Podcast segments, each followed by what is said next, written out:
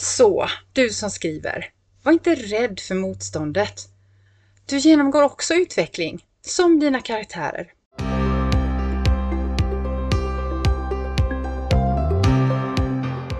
Hej och välkomna till Konsten att sabba en story. En podd om skrivandets vånda och glädje. Det här är podden för dig som vill skriva mer, bli bättre och lära dig av misstagen så att du inte sabbar storyn.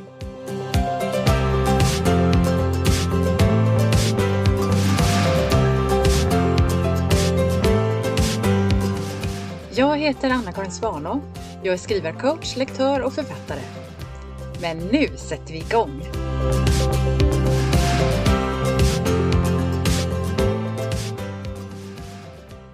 Hej och välkomna till ett nytt avsnitt i podden Konsten att sabba en story. Tidigare i podden har jag pratat om det här med struktur och dramaturgi. Men har du tänkt på att författarens skrivprocess är också som en dramaturgisk båge? Vi låter ju våra karaktärer gå igenom en massa svårigheter och på det sättet utvecklas de och når fram till sitt mål eller till en bättre version av sig själv eller når nya insikter eller någonting. Och vi utsätter karaktärerna för det ena svåra saken efter den andra. Det kan vara till och med brutala saker. Och jag som skrivcoach brukar ge rådet att göra det ännu värre för karaktären för att belöningen ska bli desto större i slutet. Att skriva och att utvecklas som författare liknar den här dramaturgiska kurvan. Men ibland är det som att vi författare gärna vill gå igenom hela utvecklingsprocessen från nybörjare till erfaren och superbra författare utan något större motstånd. Men vi vet ju att utveckling sker inte utan motstånd. Det är ju den här utmaningen att ge sig på något fast det verkar för svårt och försöken att lösa problemen, att fira när man lyckas och kämpa vidare, ta hjälp av andra och pröva igen. Alla de här stegen, det är ju sånt som leder framåt. Både för en karaktär i en bok och för författaren som skriver boken. Först när man börjar skriva, kanske första gången man skriver överhuvudtaget eller när man startar ett nytt skrivprojekt, då är det inte säkert att man riktigt vet vad man vill med det hela. Kanske har man en längtan att skriva en si eller sån bok eller om just den där händelsen. Eller det kan ju vara så att man planerar långt framåt och vill, vill se sig själv som en bästsäljande författare i framtiden och man har skrivit massa böcker. Men vare sig om målet är tydligt från början eller inte så kan ju de här målet, det kan komma att förändras eller fördjupas under skrivandets gång. Precis som det är för våra karaktärer. De kan ha ett mål i inledningen, men under berättelsens gång så får de nya insikter om större problem eller andra behov eller ännu bättre vinster. Eh, I början så är det ofta väldigt roligt att skriva. Man har kommit på något nytt och man brinner för sin idé och allt verkar möjligt. Men sen i andra akten, när mittendelen börjar, Eh, det är då som karaktärerna i berättelsen inser att målet är mycket längre bort än man trodde eller att det där verkliga behovet var något annat än det man hade tänkt sig. Och precis så kan det ju kännas för författaren. Målet att bli färdig med boken känns oändligt långt bort. Man kanske inte ens vet ens hur man ska ta sig till det där slutmålet. Om huvudpersonen i boken, så här när mittendelen börjar, om den då kan lösa sina problem redan där, men då hade det ju inte blivit någon vidare bok av det hela.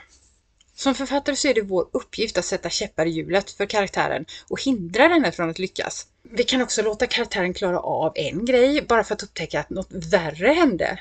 Och det kan bli en hel rad med försök och misslyckanden. Fast vid någon av de här tillfällena så när det verkar gå åt skogen så kanske karaktären ändå nådde fram till någonting som senare visar sig vara betydelsefullt. Kanske har personen fått veta någonting, lärt sig något eller fått tag i ett föremål eller ja, någonting som kommer behövas i klimax i den här sista uppgörelsen. Något som får karaktären att äntligen nå sitt mål i slutet. Författaren kan också behöva gå igenom många rundor av försök och misslyckanden. Det här låter ju jobbigt förstås, det kan det ju vara också. Men det är också lite roligt det här att man får testa nya grejer, pröva skriva si eller så istället. Testa vad som skulle hända om. Hitta på fler karaktärer eh, och se vad som händer när en ljuger och en annan plötsligt visar sig vara en oväntad medhjälpare. Och visst kan det ju hända att vi får stryka och vi får ändra. Och, men det kan också hända att vi har fått lära oss vad som funkar och vad som inte funkar. och nya idéer och möjligheter kan dyka upp. Och även skrotade idéer eller dödade älsklingar kan komma till god användning någon annan gång. I bokens andra akt, i mittendelen, så blir saker värre och mer står på spel. Och så är det även för författaren. Om man ska ta sig vidare i detta skrivandes maratonlopp som det är att få till en hel roman, då gäller det att ta sitt skrivande på allvar och inte ge upp. Men som sagt, i andra akten är det också där det skojiga händer. Om man jämför med en film så brukar klippen som används i trailern kommer från andra akten.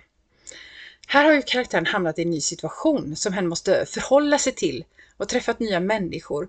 Alltså, det är som när Harry Potter kommer fram till trollkarlsskolan Hogwarts och får nya kompisar och nya fiender också för den delen och börjar lära sig skojiga och spännande, spännande trollkonster.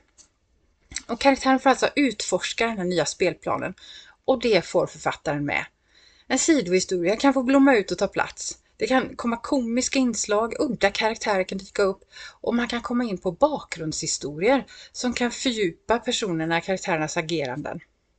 I manuset vet ju inte karaktärerna vad som ska hända härnäst, i alla fall inte om det är ett kronologiskt händelseförlopp.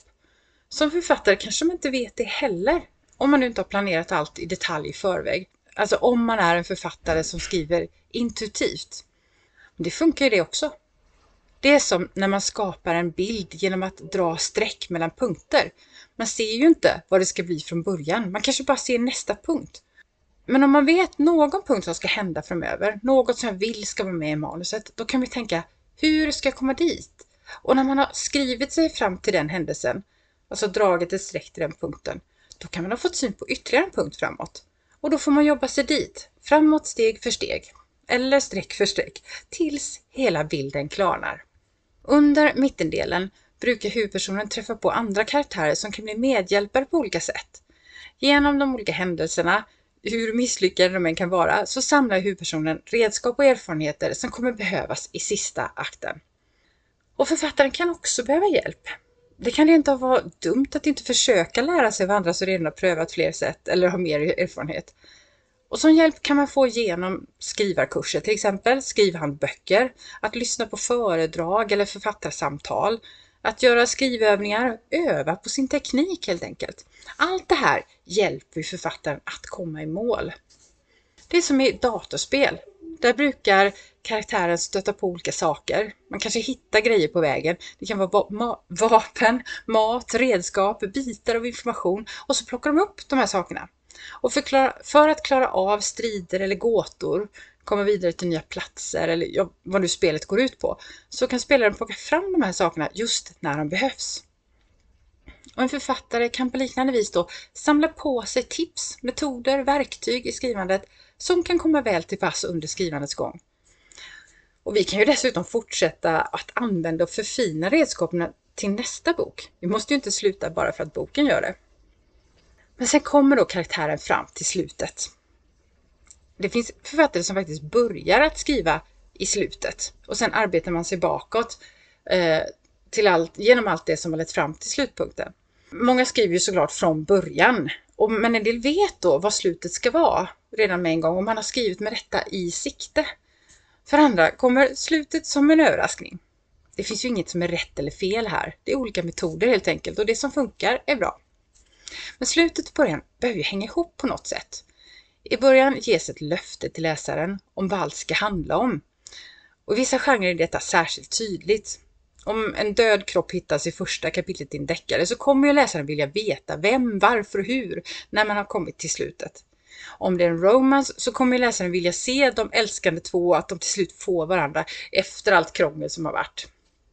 Om slutet då kommer innebära en fysisk strid, eller en jakt, eller en kyss, eller ett samtal, ja men det har ju med början att göra, vilken sorts story det är. Så man behöver knyta an till vad huvudpersonen ville i början. På vilket sätt kommer det där målet nås, eller inte nås i slutet? Hurdan är karaktären när boken är slut? Allt som den har lärt sig och förstått under berättelsens gång kommer ju behöva synas på något sätt i slutet, tillämpas eller få en konsekvens av något slag. Världen är ju liksom inte längre densamma som i början. Författaren är inte heller densamme när den sista meningen är skriven. Kanske har man gått igenom blod, svett och tårar, Troligen också härliga stunder när det känns som magi skapas genom tangenternas knatter. Och bara detta att skriva klart, det är ju en enorm erfarenhet. Och alla problem som författaren har fått behöva lösa under skrivandets gång. Och det kan ju vara allt ifrån vilket berättarperspektiv som är mest effektivt i vilken händelse till vilken tid på dygnet jag skriver bäst eller hur jag bär mig åt för att inte slösa bort skrivtiden med att scrolla på Instagram. Ja, men allt detta är ju värdefulla verktyg och erfarenheter som författaren kan ta med sig in till nästa manus. Så, du som skriver, var inte rädd för motståndet. Du genomgår också utveckling, som dina karaktärer. Och det underbara är ju att vi kan lära oss hela livet. Det är ju detta som är så fantastiskt. Vi utvecklas och kanske till skillnad från karaktären i boken så är vi inte färdiga. Som Thomas Tranströmer skriver i sin dikt Romanska bågar. Inne i dig öppnar sig valv bakom valv oändligt. Du blir aldrig färdig. Och det är som det ska.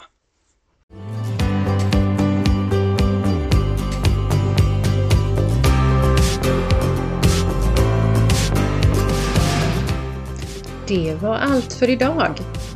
Om du gillar podden skulle det vara toppen om du tipsar andra skrivintresserade. Titta gärna in på min hemsida www.annakarinsvana.se. Där hittar du en gratis minikurs om att börja skriva och där finns också mer information om mina tjänster och kurser. Men nu är det dags att börja skriva!